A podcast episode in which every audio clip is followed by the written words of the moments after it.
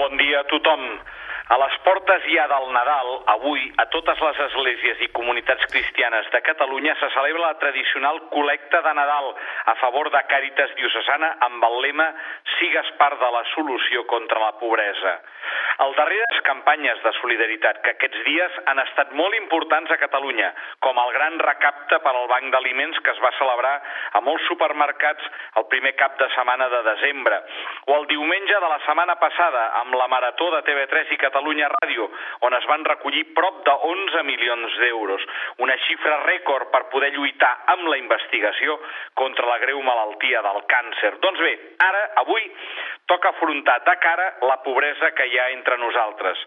Amb la voluntat de sensibilitzar de, la, de les situacions que es viuen, per exemple, a la ciutat i a la conurbació de Barcelona, Càritas Diocesana va presentar la setmana passada un informe sobre un dret bàsic i elemental com és l'habitatge, segons el qual el 36% de persones de la diòcesi de Barcelona viuen dificultats relacionades amb l'exclusió residencial. L'informe titulat La llar és la clau, històries d'un dret reconegut però vulnerat, adverteix sobre l'emergència habitacional que estan patint moltes de les famílies de la diòcesi de Barcelona. L'estudi s'ha pogut elaborar gràcies a les entrevistes realitzades a persones ateses per l'entitat en situació d'exclusió residencial i s'ha complementat amb un avançament de les dades de l'enquesta d'integració i necessitats socials 2018 de la Fundació FOESA, per primera vegada d'àmbit diocesà, amb una mostra de 1.694 persones de la diòcesi de Barcelona. Les dades indiquen que un 36, 36% de les persones de la diòcesi de Barcelona viuen dificultats relacionades amb l'exclusió residencial. Això vol dir viure en habitatges insegurs, en habitatges inadequats, en condicions d'insalubritat o amuntegament, o d'haver de pagar una despesa excessiva en l'habitatge, una despesa que les deixa sota el llindar de la pobresa severa. En la presentació, el delegat episcopal de Càritas Diocesana de Barcelona, mossèn Josep Matías,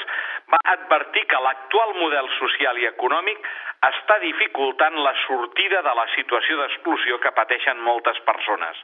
Com a Església constatem que les condicions de vida dels més vulnerables no han millorat, va indicar el delegat episcopal, tot donant un missatge d'esperança i remarcant que l'Església sempre estarà al costat de les persones que més pateixen. En aquesta presentació, la cap d'anàlisi social i incidència, Míriam Feu, va presentar les principals conclusions de l'informe, indicant que l'habitatge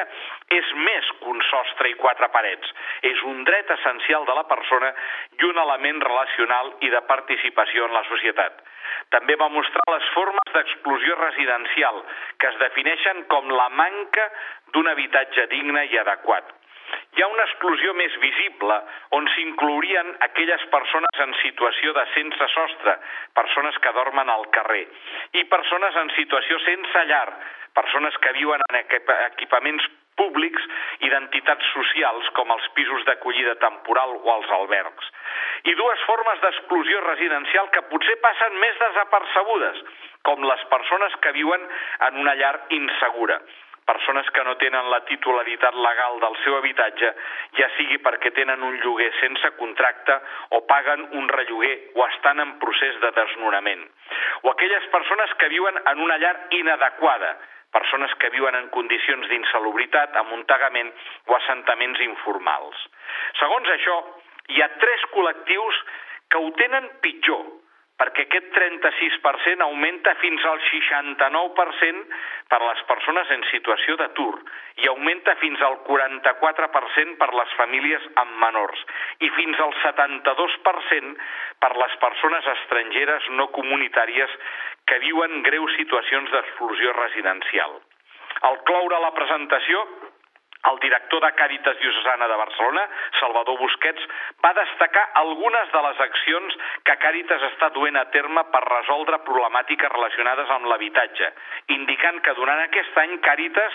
ha posat a disposició de les persones més vulnerables 1.351 places repartides en pisos unifamiliars, pisos compartits i centres residencials. Una molt bona notícia. Molt bon diumenge a tothom i ja molt bon Nadal.